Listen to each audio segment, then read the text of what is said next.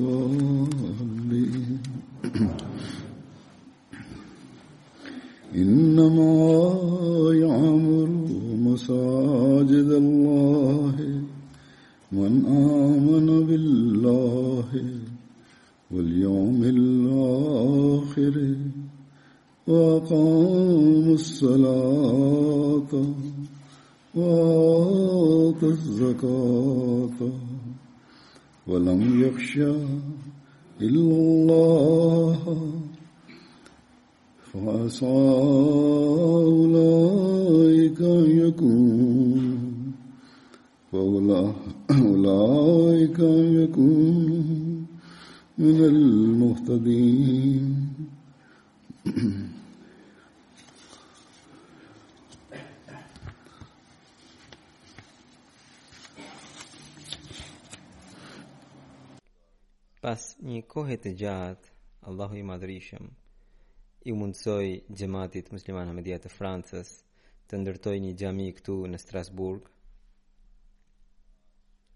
Në këtë qytet, Pra në Strasburg, me bekimin e Zotit, kemi shumë ahmedianë të rinj, jo pakistanezë, madje 75% janë vendalinj dhe me bekimin e Zotit janë shumë të përparuar në sinqeritet dhe në besnikëri. Sidoqoftë, me bekimin e Zotit, Allahu na mundësoi të ndërtojmë këtu një xhami dhe tani ahmedianët e këtij vendi mund të lidhen më shumë se përpara me sistemin e xhematit. Allahu ua mundësoftë këtë gjë. Ajeti që recitova, siç e keni dëgjuar, do ta lexoj edhe përkthimin e tij. Xhamitë e Allahut i popullojnë ata të cilët besojnë në Allah dhe në ditën e ahiretit dhe ngjallin namazin, lartësojnë namazin, japin zekatin dhe nuk frikësohen nga askush përveç Allahut.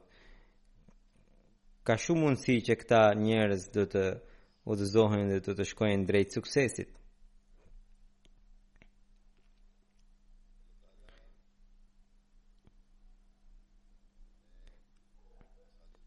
Allahu i madhërishëm për ndërtuesit e xhamive dhe për ata që popullojnë xhamitë, ka përmendur cilësitë e tyre që ata besojnë Allahun. Pra, kanë besim të plotë që burimi i të gjitha forcave sunduese është Zoti i Madhërishëm. Dhe gjithçka tjetër përveç atij është asgjë. Pra, për të arritur këtë besim është e nevojshme që të përulemi përpara Zotit dhe të adhurojmë atë. Allahu i madhërishëm pikërisht ata njerëz që përulen përpara tij i shton akoma më shumë në besim e në bindje, pastaj një tjetër cilësi është që ata kanë bindje të plotë në ahiret, Pra është cilësi e atyre që vijnë ose ndërtojnë xhamitë, sepse pikërisht besimi në ahiret i shtyn njerëzit të besojnë në Zot, një adhurim që është vetëm e vetëm për hir të Zotit, për ta fituar pëlqimin e Tij. Duke përmendur këtë një herë Hazrat Mesihu i premtuar alayhi salatu wasalam tha Dobia e besimit në ahiret është që kjo ia shton robit njohjen ndaj Zotit dhe njohja ndaj Zotit, njohja e vërtetë ndaj Zotit nuk mund të arrihet pa pasur besim në ahiret. Ai thotë, Mesihu i premtuar alayhi salam pra, prandaj mbajini mend Asnjëherë nuk duhet të keni dyshime rreth ahiretit sepse kjo do të do t'jua rrezikojë besimin dhe fundi i mbarë do të vihet në pikëpyetje. Pra, më pas njeriu me mungesën e besimit ndaj ahiretit nuk mund të qen mbetet më besimtar. Prandaj Adhuruesit e Zotit dhe ata që popullojnë xhaminë janë vetëm ata të cilët nuk kanë kurrfarë dyshimi rreth ahiretit. Dhe për këtë arsye ata gjithnjë mbeten të përulur përpara Zotit për të pasur një fund të mbarë.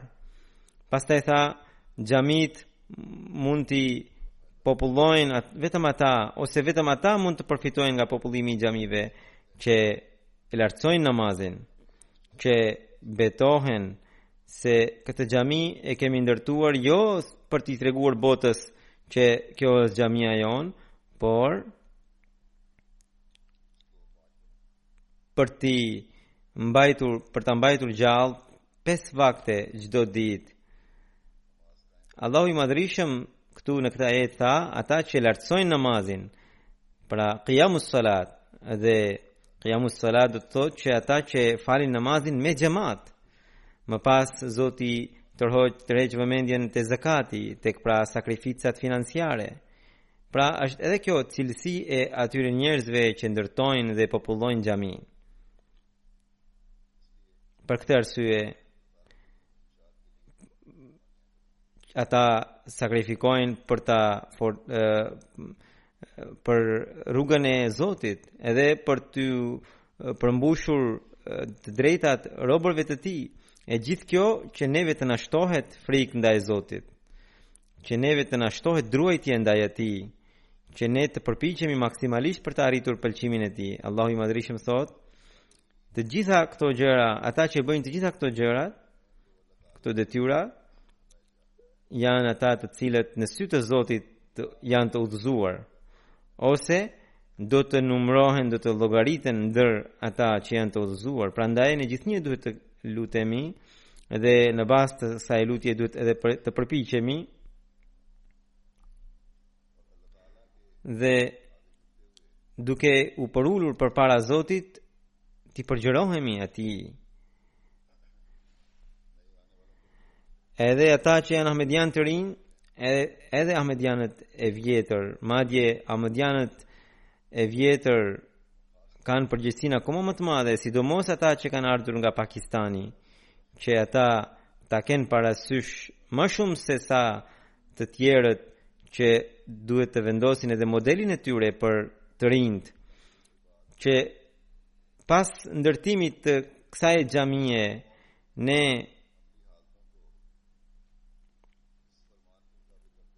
të ndryshojmë gjendjen tonë dhe veten tonë edhe t'i lutemi Zotit o Zot na bëj ndër të udhëzuarit dhe ndër ata që përmbushin detyrën e xhamisë. Allahu i madhërishëm porosia e tij ne duhet të lutemi që ne duke mos e zbatuar këtë porosi për ndërtuesit e xhamive, Të mos bëhemi nga ata të cilët tërheqin zemërimin e tij. Zoti të na shpëtojë nga devijimi, të na mbajë gjithnjë në rrugën e drejtë, të na drejtojë gjithnjë në jetët tona, synimet tona.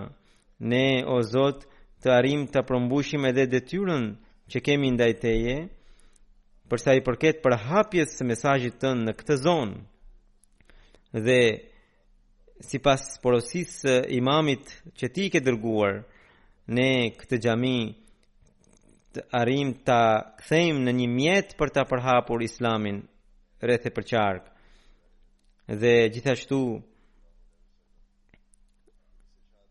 ne ta ta plotësojmë edhe dëshirën e profetit sallallahu alaihi wasallam në të cilën ai tha që ai që ndërton një xhami në këtë botë, Zoti i Madhërishëm ndërton një banesë të tillë në xhenet. Prandaj o Zot, na bëftë besimtarë të vërtetë e të sinqertë edhe na mundësoftë vijueshmërisht të tërheqim të marrim bekimin tënd. Për t'i arritur këto gjëra, Ajo që është e para që një Ahmedian duhet të bëjë është të bëjë analizën e namazeve të tij që pesë namazet apo i fal rregullisht a ka dëshirë që ai t'i falë pesë vaktet e namazeve, madje namazet me xhemat. Nuk është e mjaftueshme që ne thjesht ta ndërtojmë xhaminë edhe ta mendojmë se tashmë u ndërtua një shtëpi në xhenet. Për këtë kemi nevojë që me gjithë besimin ta kemi edhe vepra. Kemi nevojë të ndjekim porositë e Zotit. Duke qenë në xhematin e Mesihut të Premtuar alejhi salatu wasallam, kemi nevojë ta përmbushim detyrën që ne ngarkohemi. Çdo vit mijëra xhami ndërtojnë muslimanët nëpër botë. Por nëse atje mbahen predikime vetëm për përçarje për sektarizmin në qoftë se atje në vend që të flisnin flasin për frikë për drojtje ndaj Zotit aty flitet vetëm për interesat e atij sekti ose aty përhapen vetëm bidate të reja të cilat nuk ka lidhje me praktikën e profetit Muhammed sallallahu alaihi wasallam, atëherë ato xhami në sy të Zotit dhe në sy të të dërguarit të Tij nuk janë ato që i çojnë njerëzit drejt xhenetit. Prandaj, përmbushja e detyrës së xhamisë dhe bërja e saj që ajo të bëhet mjet për të çuar njerëzit drejt xhenetit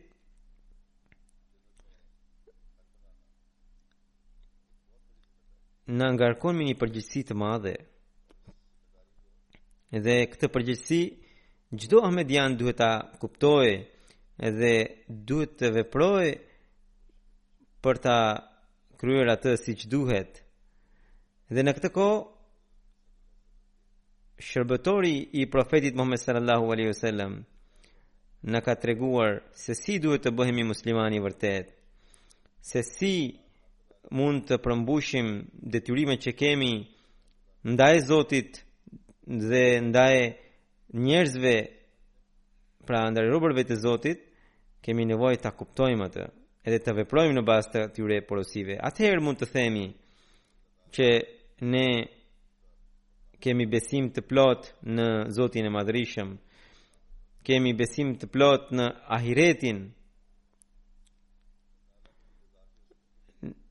ne lartësojmë namazet tona për të arritur pëlqimin e Zotit dhe ne duke sakrifikuar pasuritë tona përmbushim detyrimet që kemi ndaj njerëzve dhe nëse kemi frikë ndaj ndonjë ndaj ndokujt, atëherë ai është vetëm Zoti i Madhërishëm. Atëherë do të themi, mund të themi që fri, ne kemi vetëm frikë ndaj Zotit dhe nuk kemi frikë nga asgjë e kësaj bote dhe ne nuk kemi dashuri ndaj asgjë të kësaj bote atë që e kemi ndaj Zotit të Madhërishëm, atëherë mund të themi që ne po i japim përparësi besimit mbi të gjitha gjërat e botës. Hazrat Mesihu i Premtuar alejhi salatu selam ka dhënë shumë këshilla dhe porosi për një ahmedian që ai të bëhet një ahmedian i vërtetë, një musliman i vërtetë që përmbush detyrimet që ka ndaj Zotit dhe ndaj krijesave të tij.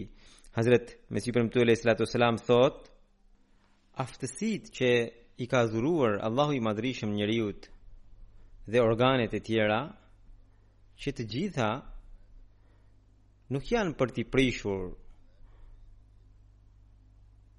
por për t'i përdorur ato në mënyrën e duhur dhe si bëhet përdorimi në mënyrën e duhur t'i përdorësh ato në vendin dhe në kohën e duhur prandaj islami nuk na jep mësimin që ne të heqim aftësinë e, e seksualitetit ose t'i heqim shikimin njeriut fare për shkak se ai në qoftë se përdor për shikimin e ndaluar, ngaqë i shkakton mëkat, nuk nuk ka dhënë si ilaç që njeriu ta heqë atë si si uh, aftësi, por ka porositur që këto dyja këto aftësi t'i përdorë në rrugët e pastra. Prandaj Allahu i Madhërishëm thotë në një ajet, "Qad aflaha al-mu'minun", që pikërisht besimtarët e tillë arrijnë suksesin dhe Kurani famëlart duke sjell skicën e besimtarit a, të aftësive të tij dhe të veçorive të tij në fund thotë wa ulaika humul muflihun që pikërisht këta që këta besimtarë që kanë takva që besojnë në të padukshmen dhe kur u bie namazi ata vazhdimisht përpiqen ta lartësojnë atë japin në rrugën e Zotit nga ato që Allahu i Madhërishëm u ka dhënë pavarësisht nga nga vështirësitë dhe nga mendimet e gabuara që hyjnë në mendje, besojnë në librin e Zotit dhe në librat e mëparshëm në mënyrë të pakushtëzuar. Më në fund, pikërisht besimtarët e tillë e arrijnë suksesin dhe pikërisht këta, thotë Allahu, janë në rrugën e udhëzuar. Mesihu i Premtuar alejhi selam thotë se këta janë njerëz të cilët qëndrojnë në një rrugë që e, e cila vazhdon përpara në drejtim të Zotit dhe më në fund do të mbërrijnë. Tëmandej Hazret Mesihu i Premtuar alejhi salatu selam tha Prandaj që në fillim Allahu i Madhërishëm në Kuranin famëlart na jep mësimin e takvas dhe kështu na jep një libër i cili na sjell të gjitha metodat për të arritur takvan Prandaj xhemati ynë thotë Mesihu i Premtuar alejhi selam këtë shqetësim ta ketë si shqetësimin më të madh se sa çdo shqetësim tjetër që a kanë takva apo nuk e kanë. Tani njeriu si duhet ta shikojë se e ka takvan apo nuk e ka? Duke shpjeguar këtë, Hazrat Mesiu premtuar alayhi salatu wassalam thotë se në librin e Zotit ne gjejmë që Njerëzit me takva janë ata që janë të përulur, që ecin me modesti dhe përulësi, që nuk kanë mburrje, që nuk flasin me krenari dhe mburrje. Biseda e tyre është e tillë sikur një njeri i vogël flet me një njeri të madh.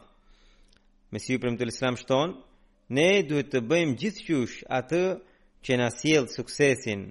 Zoti i madhri, Zotit të madhrishëm, askush nuk i ka bërë tender. Ai që bën takva, ai që ka takva, Zoti i madhrishëm atë do ta ngrejë. Mesiu i premtuar alayhis salam thotë që Profeti Muhammed sallallahu alaihi wasallam ose Hazrat Ibrahimi alayhi salatu wasallam ata nuk e kanë fituar nderin në trashëgimi pavarësisht se ne besojmë që babai i i nderuar i profetit sallallahu alaihi wasallam nuk ka qenë idhujtar, por ai nuk ka qenë as profet. Ishte vetëm bekimi i Zotit i cili i erdhi profetit sallallahu alaihi wasallam për shkak të takvas së tij, për shkak të moralit dhe të virtyteve të tij. Ibrahimi alayhis salam që ishte babai i profetëve, thotë Mesiu i premtuar alayhi salatu wassalam, pikrisht për shkak të takvas as nuk ngurroi ta therte, të bëhej gati për të therur djalin e vet. Atë e hodhën edhe në zjarr Dhe shikojmë qëndrueshmërinë dhe fisnikërinë e profetit sallallahu alaihi wasallam që ai bëri ballë çdo lloj sfide, hoqi çdo vuajtje, por nuk u dorëzua. Kjo ishte besnikëria e tij. Për këtë arsye Allahu i Madhrishëm tha: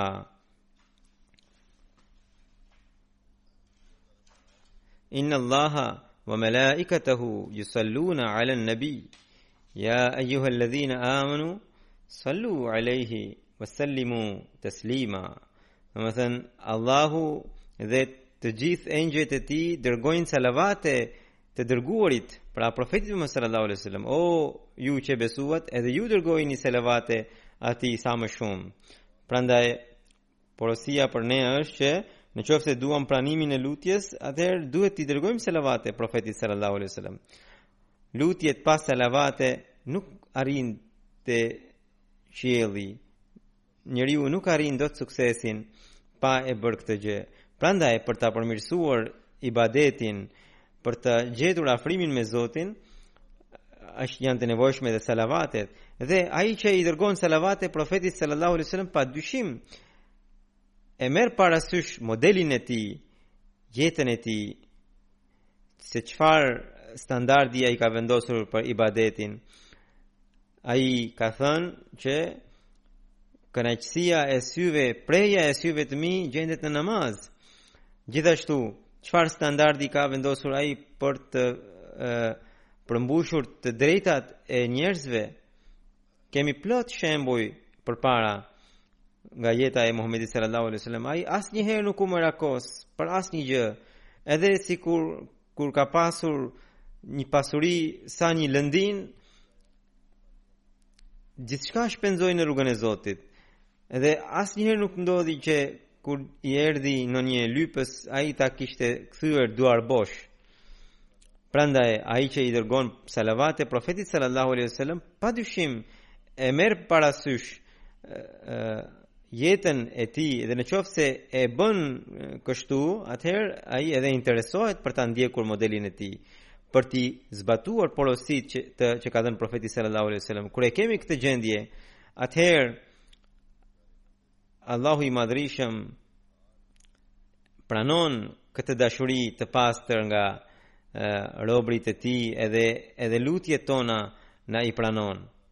Vetëm atëherë ne mund të arrijmë afrimin me Zotin dhe kështu do të shtohemi në përulësi, në durim dhe do të llogaritemi ndër ata të cilët njihen si njerëzit me takva pikërisht janë këta siç thotë Zoti në Kur'an që do të kenë sukses që do të gëzojnë shpëtimin dhe suksesin Hazrat Mesihu i Premtuar alayhi salatu selam thotë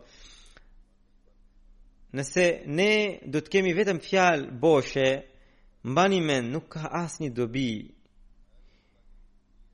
për fitoren takvaja është domosdoshmëri. Në qoftë se doni fitoren, bëhuni njerëz me takva. Dhe takvaja e vërtetë është që ta njihni siç duhet Allahun e Madhrishëm. Dhe pikërisht kjo do t'ju jep mundësi edhe t'i zbatoni porositë e tij.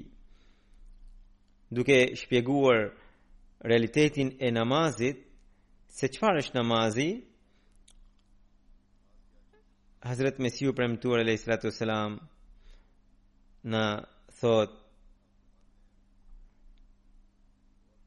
ka shumë që me gojë deklarojnë dashurinë ndaj Zotit, por në qoftë se bëni një analizë, Do ta shikoni që brenda ata kanë vetëm ateizëm, sepse kur përfshihen në punët e kësaj bote, as nuk e marrin parasysh madhështinë e Zotit. Prandaj është shumë e nevojshme që ju në, në lutje tuaja t'i kërkoni njohjen e Zotit. Zotit. Zotit t'i kërkoni bindjen dhe njohjen ndaj tij. Ajo do të arrihet pra atë njohjen e Zotit do ta arrini at, atëherë kur do ta kuptoni që shkëputja nga Zoti është një vdekje aty ku do të bëni lutje për të shpëtuar nga mëkati mos hiqni dorë nga e, mjetet dhe nga planet për të parandaluar mëkatin Braktisni të gjitha takimet dhe mbledhjet që ju nxisin për mëkatet. Ne vetë mund të bëjmë analizë cilat janë emisione televizive, cilat janë mjete që na nxisin për mëkat, ne ato patjetër duhet t'i braktisim dhe bashkë me këtë duhet të bëjmë edhe dua sepse vetëm me bekimin e Zotit ne do të arrijmë të heq, të heqim dorë nga gjërat e tilla. Dhe Mesihu i Premtuar alejhi selam thotë që mbani mend caktimet fatkeqësi që vijnë njeriut prej Zotit, njeriu nuk kurrsesi nuk mund të lirohet dot pa pasur bekimin e tij. Edhe namazi që falet 5 vakte Mësimi në të është që në qoftë se njeriu do të ketë do ta mbajë të pastër mendjen gjatë gjithë ditës, ngaqë e falet 5 herë në ditë, në qoftë se njeriu do ta mbajë të pastër mendjen vetëm atëherë ai do të arrijë ta falë namazin, përndryshe jo, namazi nuk do të thotë vetëm ushtrime, lëvizje gjymtyrësh, por namazi është ai që ndihet në zemër dhe në shpirt, dhe shpirti derdhet nga madhështia e Zotit te pragu i tij. Sa të ketë mundësi njeriu të ketë përgjërim në namaz dhe t'i lutet Zotit me përgjërim të plotë në mënyrë që marrëzia dhe dëshira për të bërë mëkat të ftohen dhe në qoftë se do të vijojë kështu njeriu me qëndrueshmëri do të shohë ditën ose natën papritmas atij do t'i zbresë një dritë e cila do t'ia zbehë flakën e mëkatit, flakën e nefsit amara. Ashtu siç gjarpri ka një helm, edhe nefsi amara ka një helm, edhe ai që e ka krijuar këtë nefs, e din edhe ilaçin, e ka lënë edhe ilaçin. Prandaj, Vetëm Allahu i Madhërishëm mund ta kurojë këtë. Dhe për këtë arsye, për të shpëtuar nga të këqijat e nefsit amara, Zotit duhet t'i kërkojmë bekimin dhe duke shpjeguar rëndësinë e namazit, Mesihu i Premtuar alayhi salatu wasallam tha, Që thelbi i namazit është duaja. Edhe thelbi i ibadetit është namazi. Namazin mund ta falim atëherë kur ne e falim ashtu siç na porosit Zoti i Madhërishëm. Pa e realizuar ashtu, nuk e përmbushim dot detyrën siç duhet të namazit. Ka disa kushte që duhet t'i përmbushim. Gjatë namazit duhet të kemi parasysh që ne qëndrojmë përpara Zotit duke qenë të përulur, duke pasur respekt të plotë ndaj tij. Dhe duke treguar pikërisht këtë, Hazrat Mesihu i Premtuar alayhi salatu wasallam thotë, një herë mendova se çfarë është ndryshimi mes salatit dhe duas, pra mes salatit dhe lutjes, salat do të thotë namaz. Në hadith, Profeti sallallahu alaihi wasallam thotë që salat pikërisht është lutja. Edhe një herë tjetër thotë që salat është thelbi i ibadetit. Dhe atëherë kuptova që salat ose namazi i vërtetë është ai i cili bëhet vetëm për hir të Zotit. Kur njeriu fal namazet vetëm për çështjet materiale, pra kur ka nevojë t'i, atij t'i përmbushet ndonjë nevojë e kësaj bote, kur ka interesa, kur ka dëshirë që Zoti t'ia përmbushë filan dëshirë. Mesihu alayhi salam thotë se ky nuk është namaz, ky nuk është salat. Ky mund të jetë namaz i thjeshtë, thotë, ndërsa salat Është vetëm ai, kur njeriu ngrihet përpara Zotit për t'i kërkuar pëlqimin e Tij, për t'i kërkuar afrimin me Të dhe për të kërkuar takimin me Të. Salati i vërtetë është që njeriu të krijojë kontakt me Zotin. E kjo pikërisht është edhe lutja e vërtetë. Dhe kjo pikërisht është ajo që e largon njeriu nga gjërat e kota. Në të vërtetë, Njeriu duhet të arrijë pëlqimin e Zotit, më pas ai le të lutet edhe për çështjet materiale. Pra, Mesihu i Premtuar alejhi selam na këshillon që së pari duhet t'i lutemi Zotit për të arritur pëlqimin e Zotit. Më pas mund të lutemi edhe për kënaqësitë e kësaj bote. Kjo thotë Mesihu i Premtuar alejhi selam është vendosur kështu që disa herë Çështjet materiale bëhen pengesë në rrugëtimin tonë të besimit, prandaj së pari duhet ta forcojmë rrugëtimin e besimit, pastaj mund të merremi me çështjet e kësaj bote. Pra sepse në fillim thotë Mesihu i Premtuar alejhi selam besimtari është i dobët dhe mund të rrëshqasë dhe për këtë arsye ai duhet të interesohet për ta forcuar lidhjen e tij me Zotin. Mesihu i Premtuar alejhi selam thotë se salat do të thotë një lutje që ka mallëngjim, që ka nxehmje. Pra namaz, salat është ai namaz i cili ka lutje që shkon që që shkon deri në mallëngjim, deri në përgjërim.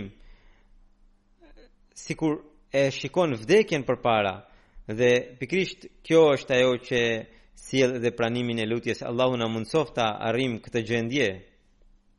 Një herë tjetër Hazret Mesihu i Premtuar alejhi salatu ves-selam tha duke sqaruar pikërisht këtë temë mbajni mend në qoftë se pretendoni të keni besimin Besimi nuk mund të përsoset me dy tre namaze, siç disa njerëz falin dy namaz, tre namaze dhe thonë se janë besimtarë. Ky pretendim është i gabuar. Rrënja e besimit është namazi. Ai besim që nuk ka rrënjë është si një pemë bosh, e cila rrëzohet me një erë të lehtë. Mesihu i Premtuar alejhi selam thotë që ashtu siç vapë e madhe tërheq lagështinë, tërheq retë dhe pastaj bie shi në të njëjtën mënyrë namazet e shumta me përgjërime sjellin frutin e pranimit të lutjes. Namazi është ai që me respekt të plotë njeriu qëndron përpara Zotit dhe Mirëpo, kur besimtari tregon dobësi, atëherë Zoti është i pavarur dhe ai nuk interesohet për robin. Çdo umet qëndron deri atëherë kur ai interesohet për Zotin e Madhërishëm. Disa të pamend pyesin çfarë i duhet Zotit për namazet tona. O të pamend, Zotit nuk i duhen namazet tuaja, por ju keni nevojë për namazet. Që Zoti të interesohet për ju. Me interesimin e Zotit juve do t'ju zgjidhen të gjitha punët e pabëra. Namazi do t'ju largojë nga një mijë të këqija dhe është edhe mjet për t'u afruar me Zotin. Pra namazi thjesht nuk ju afron afrimin me Zotin, ajo ju ju sjell faljen e mëkateve të mëparshme dhe ju zgjidh problemet tuaja madje njerëzit që vijnë me sinqeritet të plotë dhe qëndrojnë duke pritur namazin profeti sallallahu alaihi wasallam tha që gjersa ata do të rrinë duke qëndruar duke pritur namazin Zoti i Madhërishëm i bekon, i mëshiron edhe i llogarit sikur ata janë në namaz. Derisa ata janë duke përkujtuar Zotin e Madhërishëm dhe engjëjt dërgojnë selavate te njerëzit e tillë dhe luten o Zot mëshiroi këta dhe fali pranua lutjen Prandaj sa çfarë shpërblimi i madh është i atij që vjen për ta falur namazin, i cili po shpërblehet jo vetëm për namazin, por edhe për pritjen.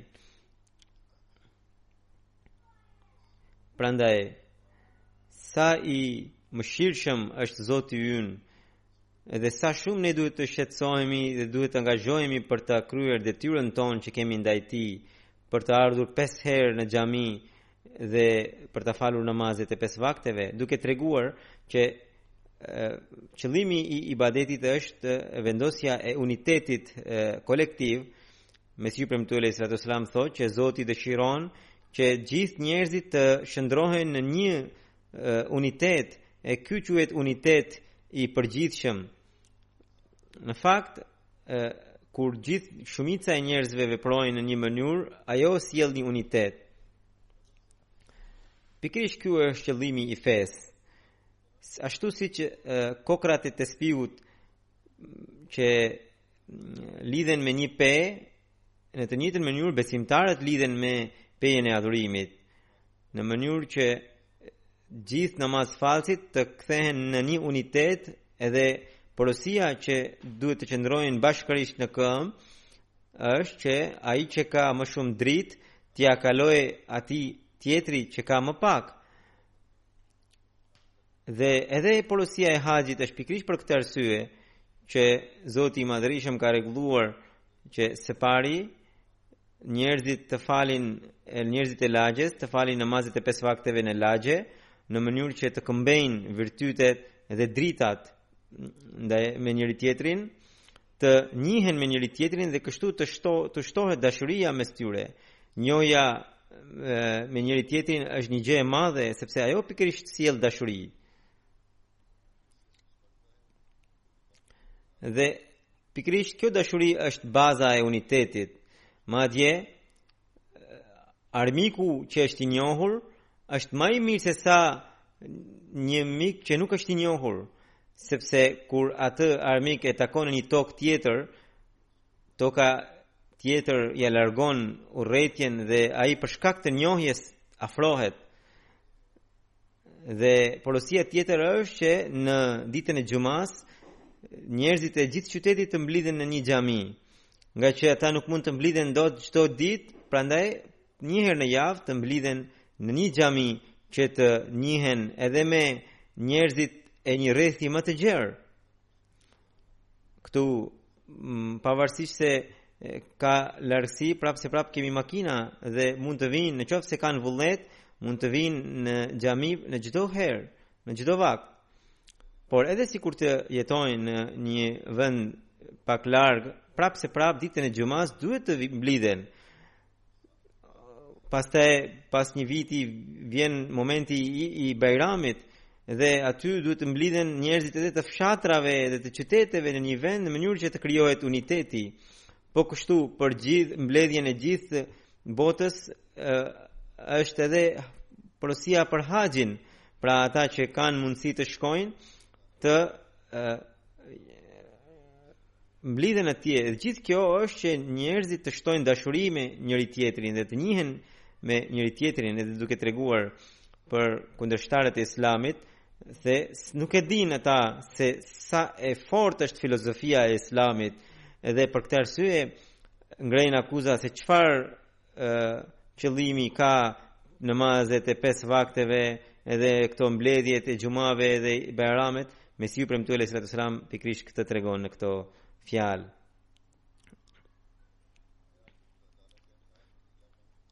ai thotë që për besimtarët ata mund të shkëputen nga punët materiale, por Zoti i Madhërishëm ka lënë një sistem kaq të përsosur ibadetish që ata nuk shkëputen dot tërësisht nga e, adhurimet. Kjo është përsosmëria e, e siluetës së adhurimeve që gjenden brenda Islamit. Ai që është i dobët vjen ditën e xhumasë të paktën, ai që është akoma më i dobët vjen të paktën për namazin e Bajramit. Dhe kështu ë ajo peja që mund ta lidh përsëri atë me bashkësinë vazhdon të rekti por besimi i përsosur është që të vijë 5 herë në namaz Derisa tani ju ka dhënë Zoti këtë xhami, atëherë ju duhet ta tregoni pamjen e pikërisht të këtij uniteti, sidomos tani kur keni edhe mjetet e transportit dhe me bekimin e Zotit ta gjallëroni këtë xhami. Atëherë edhe Allahu i Madhërishëm do t'ju mëshirojë dhe do t'ju siç e keni dëgjuar, që do të caktojë engjëj që të luten për ju. Pastaj për namazet me xhemat kanë më shumë shpërblime. 27 herë fish më shumë shpërblim sesa namazi që falet vetëm.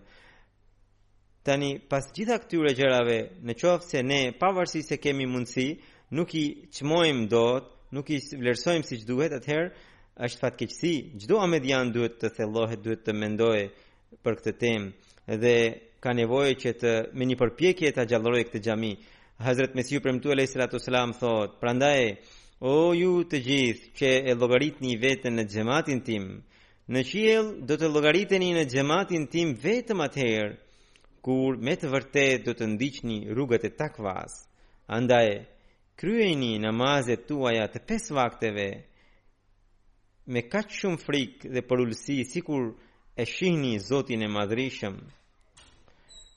Pra, e, e, pesë vaktet t'i, t'i falni në atë, atë mënyrë që e shihni Zotin dhe plotësojni agjërimet tuaja për hir të Zotit me besnikëri.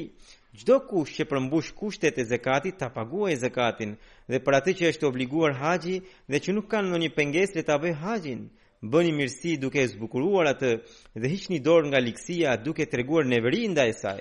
Mbajeni mend mirë, asnjë vepër që është e zbrazët nga takvaja nuk mund të arrihet tek Zoti. Rrënja e çdo mirësie është takvaja, andaj edhe nuk prishet vepra që nuk ju prish kjo rrënjë. Mesihu i Premtuar selam vijon, sa herë që do të dëmtoheni, do ta dëmtoni veten nga duart e veta dhe jo nga duart e armikut. Nëse juve ju ikën i gjithë nderi tokësor, Zoti do t'ju japë një nder të përjetshëm në qiell. Andaj ju mos e lini atë. Ju jeni xhamati i fundit e Zotit, andaj tregoni atë vepër të mirë që është e skajshme në lartësinë e saj. Çdo kush nga ju që do të ngathet, Do të flaket nga xhamati si diçka e nevritshme, do të vdesë i dëshpëruar dhe do nuk do ta dëmtojë dot aspak. Unë ju njoftoj me shumë gëzim që Zoti juaj me të vërtetë ekziston. Edhe pse të gjithë janë krijesat e tij, por ai zgjedh njeriun i cili e zgjedh atë. Ai i afrohet atij i cili i afrohet atij, pra Zotit, dhe ai, pra Zoti e nderon atë i cili e nderon edhe Zotin. Allahu i madhrishëm na bëftë të kuptojmë dhembshurinë që gjendet në këto fjalë edhe të shtohemi në besim, në ibadet dhe të përmbushim detyrën e adhurimit siç duhet të krijojmë kontakt të gjallë me Zotin e Madhrishëm Dhe ne ta gjallërojmë këtë xhami përherë. Tani do t'i tregoj disa të dhëna edhe të kësaj xhamie me bekimin e Zotit e, para pak vitesh filluan përpjekjet e, për këtë xhami dhe Allahu i Madhrishëm pastaj na dha këtë tokë që është 2640 metër katror dhe këtu në fakt ka pasur një ndërtesë më përpara me 15 dhoma dhe me 3 kate kishte një sallë të madhe dhe pra pas pa, për blerjen qendra e xhamatit i kishte dhënë një borxh xhamatit të Francës e tani Amir Sahibi thotë që ai borxh alhamdulillah i gjithë i është lar përveç 50000 eurove pastaj bashkia kishte disa akuza disa kundërshtime edhe ato u vazhdimisht janë bërë takime me të dhe janë zgjidhur u pranua edhe plani i xhamisë. Për sa i përket planit, sipas raportit të arkitektit, arkitekti kishte llogaritur 1 milion euro shpenzim. Edhe atë Khudamul Ahmedia, pra organizata e të rinjve të xhamatit të Francës, kishte marrë përsipër ta ta paguante. Por me bekimin e Zotit, alhamdulillah kjo xhami kushtoi vetëm 530.000 euro. Deri më tani, Khudamul Ahmedia, pra organizata e të rinjve të Francës, kanë paguar 350.000 euro, edhe pjesën tjetër ata po thonë se së shpejti do ta japin. Uh, Inshallah taala uh, Khudamul Ahmedia, pra organizata e të rinjve do ta japë, por përse të privohet pjesa tjetër e xhematit? Tani tashmë kjo xhami është e ndërtuar, Edhe Laxhna pra gratë dhe pleqtë të moshuarit e xhamatit të ndërtojnë brenda 3 vitet e ardhshme një xhami tjetër me kontributet e tyre. Ishte hartuar një një këshill për ndërtimin e kësaj xhamie, anëtarët e së cilit të cilës ishin uh, Aslam uh, Dovri Sahibi, Shehbaz Sahibi dhe Muhammed Asim Sahibi, Mansur Sahibi, të cilët me shumë përpjekje alhamdulillah e realizuan këtë projekt. Allahu i shpërbleftë ata të gjithë. Sipas kushteve ligjore, pra sipas asaj që është miratuar nga bashkia, kjo xhami ka 250 veta njerëz, 250 veta mund ta falin namazin dhe ka edhe 50 vende parkimi. Ka një zyrë të xhamatit, një zyrë të grave të xhamatit dhe një bibliotekë dhe tualete, ka e, salla e parkimit është e mbuluar dhe në në raste urgjente dhe aty mund ta falin 125 veta. Ndërtesa e mëparshme që ka qenë që ka pasur 15 15 dhoma u rikonstruktua pra u riformuan dhe alhamdulillah një pjesë e madhe e tyre u erdhi në ndihmë ndërtuesve. Xhamia është 15 kilometra larg qytetit, por këtu kjo largësi nuk është një largësi e madhe, sepse gjithë kanë mjetet e transportit dhe mund të vijnë shumë me lehtësi dhe duhet të vijnë.